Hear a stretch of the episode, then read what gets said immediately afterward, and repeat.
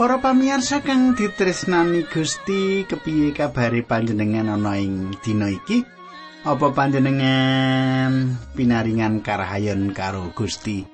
Mengkono pandongaku saka batu, kanca-kanca saka batu tansah ndongaake panjenengan kabeh sing setya. Ngrungokake adicara iki tansah binerkahan lan jinangkung dening Gusti. Aku pendeta pujianto kaya padatan bakal bebarengan karo panjenengan ana ing sajroning adicara margi utami kang isine ya kuwi nderekake panjenengan sinau kayekten-kayekten kang ditulis sing kitab suci supaya nambahi kawruh panjenengan sugeng midhangetake adicara iki.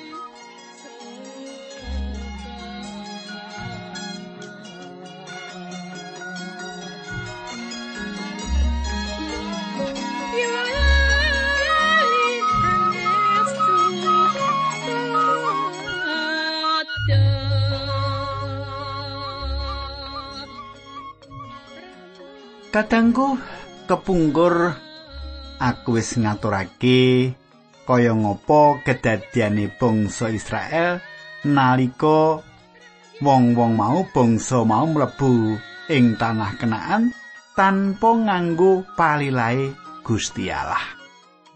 Musanane wong-wong mau kalah diprawoso lan dioyak bangsa Malek lan Kanaan. Saiki arep tak terusake maneh, nanging sadurunge kuwi ayo kita ndedonga dhisik. Duh Kanjeng Rama ing swarga, kawula ngaturaken gunging panuwun menawi wekdal menika kawula saged tetunggilan kalian sederek-sederek kawula ingkang saestu setya tuhu midhangetaken adicara menika. Kawula nyuwun Gusti berkahi lan linambaran asmanipun Gusti Yesus Kristus kawula ndedonga. Haleluya. Amin.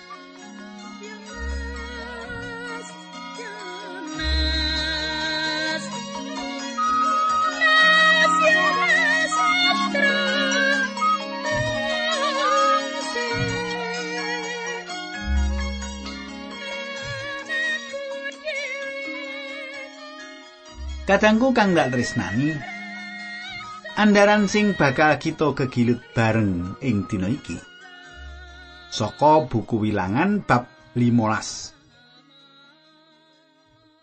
Yaiku saka kitab Wilangan pasal 15. Nalika bangsa Israel nyawang saka kadohan, kahanane tanah Kanaan ing sabrange ora samun, Bangsa Israel duweni tekad kanggo ngrebut tanah kenaan iku. Jalaran manut panemune bangsa iki. Kutha sing duweni beteng sentosa lan wong-wonge sing gedhe dhuwur kaya raksasa. Ora nggigirkake atini bangsa Israel.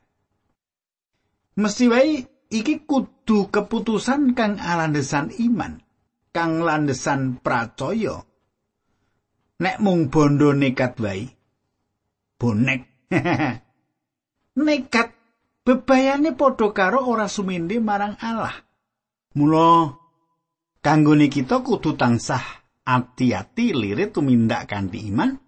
Apa tumindak kanthi petungan-petungan utama mung dasar kira-kira. Mula ana wektu kanggo nglimbang-limbang wektu pikir lan pandonga iku penting banget.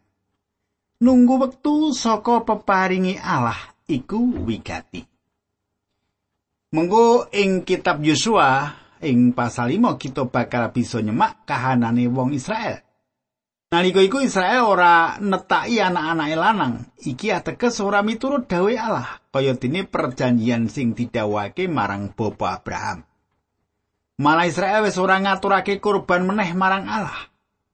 Saiki coba dikayutake Amos 5 ayat selawe. He wong Israel, Sajrone patang puluh tahun aku nuntun kowe metu segara wedi. Aku ora tau mundut korban sembelian utawa korban daharan. Katangku korban iki sing dikersakake yaiku Sang Kristus. Wong-wong Israel wis patang puluh tahun lawase ora saos korban sembelian. Ora mung kuwi, nalika iku Israel uga nyembah brahala-brahala. Coba Amos 5 ayat 16. Nanging saiki bareng kowe padha nyembah recane sakut. Rajaning brahalamu lan kaiwan dewa mulintang. kowe kudu tetep nggawa reca-recamu mau. Kadangku. Nalika iku wong-wong Israel padha ora setya tuhu marang Allah. Iki uga bisa dadi lelimbangan utawa panimbang kita. Apa kita kang kaya mengkono kuwi? Apa kita duwe patrap kang mengkono kuwi? Kita wong pracaya secara kasukman kaya dene wong beboro ing jagat iki. Ing pamirsane Allah, donya iki kaya ora-ora samun sing ing tengahe kita lagi padha ngumbara melaku tumuju menyang tanah perjanjian langgeng. Kita mung lewat ing sawijining wektu sing ana watese gumantung umur saka peparinge Allah. Saiki wilangan 15 saya siji loro. Saiki arep tak wacake wilangan 15 saya siji loro. Gusti Allah paring dawuh marang Musa pernatan-pernatan kanggo bangsa Israel sing kudu dilakoni semasa manggon ning tanah Kenaan mengkini. Sumitraku Gusti Allah paring dawuh marang Musa. Pranatan-pranatan sing kudu ditindakake dening Israel ing tanah perjanjian yen wis tekaning kono. Patang puluh tahun Israel ora setya sabutuhe marang Allah nanging Sawise ing tanah perjanjian mengko pranatane Allah kabeh kudu ditindakake. Apa maneh kanggo anak turune Israel sing lair ing pangumbaran? Ayat telu papat limo. Kanggo kurban hubungan utawa kurban netepi janji utawa kurban syukuran utawa kurban sing disaosake ing dina-dina riyaya kepareng nyaosake sapi lanang siji wedhus gembel lanang siji wedhus gembel wadon siji utawa pedus Jawa siji. Gandane kurban daharan kuwi gawe renaning penggalihe pangeran. Sopo sing saos kurban rupa wedhus gembel utawa wedhus Jawa, kudu ya nyaosake bareng karo wedhus-wedhus mau glepung sak kilogram sing disoki lenga saitun saliter lan anggur saliter kanggo kurban daharan. Katangku kang dak tersani Gusti Allah nglajengake pangandikane marang Israel bab pranatane taos kurban. Lengo saitun saliter iku lambangi roh suci. Saliter anggur kanggo kurban daran iku nandhake rasa bunga. Ing ayat 8 Allah ngendika gandane kurban daran kuwi gawe renane penggalihe pangeran. Kadangku senajan wong Israel sing padha umur padha nyembah brahala nanging keturunan anak-anak Israel bakal nindakake pernatan kurban sing kabeh nggambarake pribadini Sang Kristus. Yen kahanan panjenengan kepriye? Apa yen panjenengan tindak gereja? Apa penggalih panjenengan tetep katrem ing isine kitab suci lan Gusti Yesus? Nanging ing dina Senin nganti Sabtu, apa panjenengan isih kaya ing dina Minggu nalika ing jero gereja? Apa panjenengan rumangsa ngumbara ing tengah-tengahing ora-ora samun? Apa panjenengan kentir ing alune wong akeh sing padha nyembah brahala? Apa panjenengan kelu marang tumindak sing ora mulyakake Allah? Gusti Yesus ngersakake tansah celak karo panjenengan. Supaya apa? Supaya gesang panjenengan tetep ana kukubane Allah. Sineng kering katentreman lan dituntun ing sabdani. Allah uga paring dawuh sing sadurunge wis kita sinau saka buku kaimaman bab caos kurban kanggo dosa sing ora dingerteni. Saiki wilangan 15 ayat 24 nganti 26. Yen umat Israel nglakoni kaluputan merga saka ora ngertine kuwi kudu nyaosake kurban hubungan rupa sapi lanang siji dikandani kurban daharan lan anggur kaya sing wis ditetepake. Gandane kurban mau gawe renane penggalihe pangeran. Kejaba saka kuwi uga kudu nyaosake kurban panebusing dosa rupa wedhus gembel lanang siji. Imam banjur kudu nindakake upacara pangruwating dosa kanggo umat. Gusti Allah bakal ngapura umat mau merga kaluputane mau ora dijarak lan iya wis nyaosake kurban. Pangruwating dosa kunjuk marang Allah rupa kurban daharan. Ayat 16. wong Israel kabeh lan wong manca sing manggon ing tengahe bakal diapura merga kabeh padha katut gawe kaluputan mau. Katengku dosa sing ora dingerteni kaya dene sing kedadian sawetara wektu iki. Ana pitakonan ngene. Apa sedulur-dulur kita sing durung tau krungu kabar kasukan Injil lan padha nyembah bralo iku bisa diarani ketriwa? Jalaran pancen durung tau krungu kabar kasukan Injil, mula ora bisa diarani ketriwa.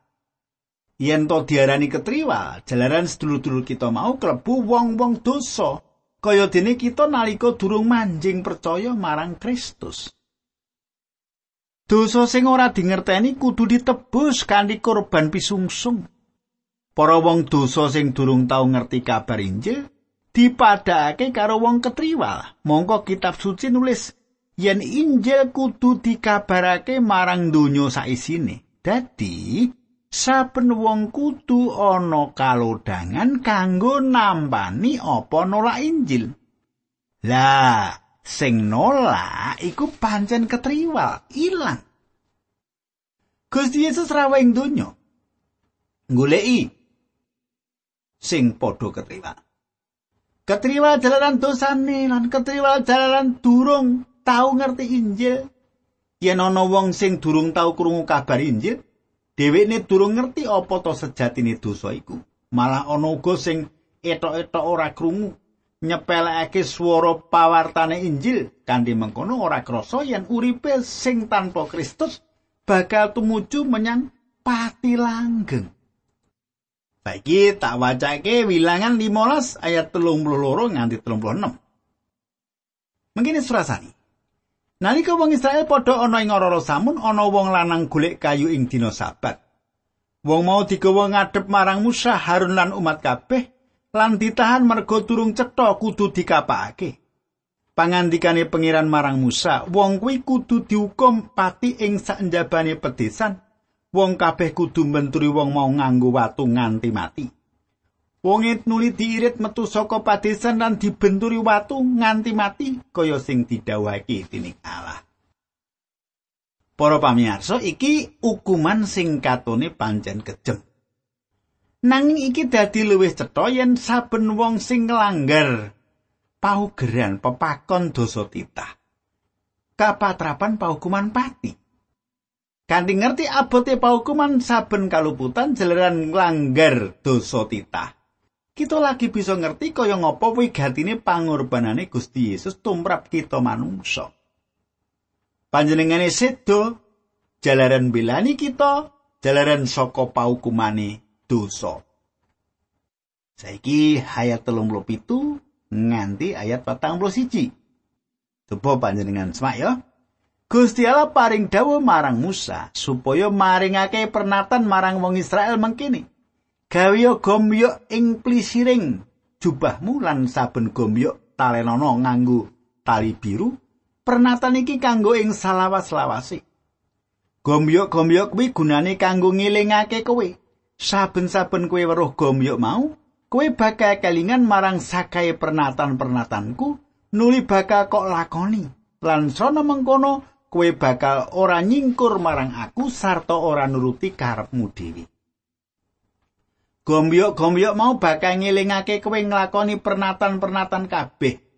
Yen ngono kowe teman-teman dadi umat kagunganku. Aku iki pangeran Allahmu. Aku sing ngirit kowe metu saka tanah Mesir supaya aku dadi Allahmu. Aku iki Allah. Kadangku benang sing rupane biru semu bungu iki nggambarake wernane langit. Nggambarake wernane langit. Nah, iki ngilingake marang Israel yen Israel iku umate Allah. Lan kudu nindakake urip kanthi kasukman, urip sing nandhake sifat-sifat kasuwargan. Jaman saiki kabeh wong percaya merlokake benang biru semu wungu kanggo ngilingake supaya nindakake urip iki kanthi lelandesan urip kagem kaluhurane Sang Kristus. Saiki kita ngancik wilangan pasal 16. Senajan ora ana catetan sing gemet anane bocah-bocah sing dilarake nalika wektu pangumbaran, nanging ana lelakon wigati liyane sing ditulis. Ing pasal 16 iki diwiwiti critane Korah sing ora jujur. Uga bab panggrundele bangsa Israel. Iki panggrundel sing kaping 5. Sadurunge mungkasi pasal iki bakal ana panggrundel sing kaping 6. Panggrundel iki dipimpin dening Korah wong Lewi sing duweni pengaruh gedhe. Saiki ngancik 16 ayat 1 teko telu. Mengkene surasani. Korah bin Yisar turune Kehat talar Lewi wani miwiti mbrontak nglawan marang Musa. Dheweke dibantu wong telu saka talar Ruben ya kuwi Datan lan Abiram, anak-anake Eliab lan On anake Pelet, kejaba kuwi dibantu wong Israel 250 liyane ya kuwi para panggedhe sing misuwur sing dipilih dening rakyat. Wong-wong mau kabeh bebarengan ngadep marang Musa lan Harun karo kondo Musa rungokno. Saben wong ing Israel kene dipilih kagem Allah lan Gusti Allah ana ing tengah kita Nanging yo kene kowe kok nganggep awakmu ngungkuli umat Allah tumindakmu sing mengkono kuwi wis kebangetan. Kadangku Korah nduweni perbawa gedhe ing tengah Israel. Ana 250 pemimpin Israel sing gabung karo Korah. Pembrontake wong-wong iki bisa luwih kasil yang dipimpin dening wong sing gedhe perbawane. Ditambah wong sing pinter lan duit kanggo bea mbrontak marang pemimpin iku ora bain-bain. Ana cara sing lagi populer misuwur kanggo nuduhake panemu yaiku kanthi demo. Jaman saiki yo demo ning endi-endi yo. Nanging satemene cara demo iki wis ana wiwit kuno mula. Wis jaman dhisik-dhisik wis ana. Ing perangan iki demo kanggo protes marang panguwasa. Panjen para pemimpin iki wis duweni kewigikan kanggo ndakwa yen demo iku wis nglanggar kamatikane wong liya. Asring para pemimpin iku nduweni kuwasa sing gedhe banget. Nganti saking gedene kuwasa sing dituweni hak-hake wong akeh dadi ilang. Jalaran dirampok kanthi ora krasa. Ya ta? Apa sing didawake dening para wong demo mau ora ana kanyatane. Ora ana dasare nggone padha ndakwa. Musa Mongko Nabi Musa ora nggunakake apa-apa kanggo awake dhewe. Biyen nalika Musa ketimbalan dening Allah, wini sudo dadi panggedene Israel, mimpin ing pangumbaran, Musa rumangsa ora duwe kekuatan kanggo mimpin bangsa iki. Malah sawise Allah nggula wentah ing ora samun, Nabi Musa isih ora duweni krentek kanggo tugas utawa kewajiban iku. Musa nyuwun supaya ana wong liya sing dadi rowangi, sing bisa dadi rowangi. Allah milihake Harun dadi rowangi. Musa iku priyagung ing donya iki sing alus penggali. Nalika Yosua arep nyumpet tutuke para nabi, bungkem tutuke para nabi, Nabi Musa malah ndawuhi para umat Israel padha nindakake pameco. Nabi Musa ora duweni rasa kumeren. Pancen Nabi Musa dudu manungsa sing tanpa dosa nanging nggone dadi pemimpin lan duweni kuwasa sing gedheku ora bisa diarani dosa. Banjur apa sing ngundrane perkara iki sipate korah sing kemerenan. Kemaren iku bab sing gegirisi. Sanyatane kabeh kuwasa iku asale saka Allah. Ora pantes yen to ana wong sing sembodo golek kamulyane dhewe. ing kemah-kemah Israel wis ditata kanthi becik dening Allah. Para Lewi wis nampa kewajiban mligi kanggo ngurus bait suci. Korah iku saka Bani Kehat, mula kewajibane wis disediakake dening Allah uga. Nabi Musa uga wis diparingi kalungguhan lan kewajibane. Demo iki wis dadi pamrontak, mula kudu dirampungake kanthi tegas. Ing jaman saiki uga kaya ngono ta? pemberontak pambalelo mesti kudu enggal dirampungake kanthi tegas supaya ora nular-nular ing liya panggonan. Apa ing gereja panjenengan ora ana pemberontak? Oh, kadangku. Ing gereja gono. Duka nek gerejane jenengan. Mong ora katon kasar ning gereja lan ora rame-rame. Apa sebab iki mau kabeh rasa kumeren. Mula saka iku kitab suci ngajak kita supaya urip kanthi andhap asor. kanthi budi sing luhur urip kudu andhap asor jalaran kabeh kuasa iku diparingake dening Allah ora saka ati sing kumeren meri ing layang siji Korinta rolas Paulus nggambarake Gereja iku kaya dene badane manungsa. Badan duweni bagian-bagian. Semono uga gereja uga duweni anggota sawise panjenengan kawilujengake kanthi baptisan panjenengan dipapanake Allah dadi bagiane gereja. Panjenengan bakal duweni kewajiban sing mligi ing tengahing gereja sing kedadian saka kumpulane wong percaya. panjenengan kudu nggunakake sih rahmat iku kanggo ngladosi pakaryane Gusti bebarengan karo warga liyane. Ora ana bagian sing padha ing batan kita uga ing gereja mula kewajiban sing dipasrahake panjenengan iku kewajiban utama sing semboto kanggo panjenengan tindakake senatan mung ngepel gereja upamane. Saben wong duweni ganjaran kasukman. Saben wong duweni karunia sih rahmat. lan ing gereja akeh banget ganjaran kasukman utawa siramat. Ana sawijining siramat sing wigati banget yaiku siramat kanggo mitulungi liya. Yen kita gelem delengi wetengen, akeh kahanan sing bisa kita tindakake ada dasar kitab suci kanggo mitulungi liya. Nindakake kewajiban iki ora kanggo golek kalungguhan utawa hormat. Apa maneh nganti ngrebut apa sing ditindakake warga liyane. Kita wong percaya akeh sing padha tumindak muspro. Jalaran nggone seneng lelati iku mung kepengin dadi ketua majelis. Utawa kepengin entuk pangalembono saka warga gereja kabeh. Umume bagian-bagian ana tengah gereja ora gampang dideleng.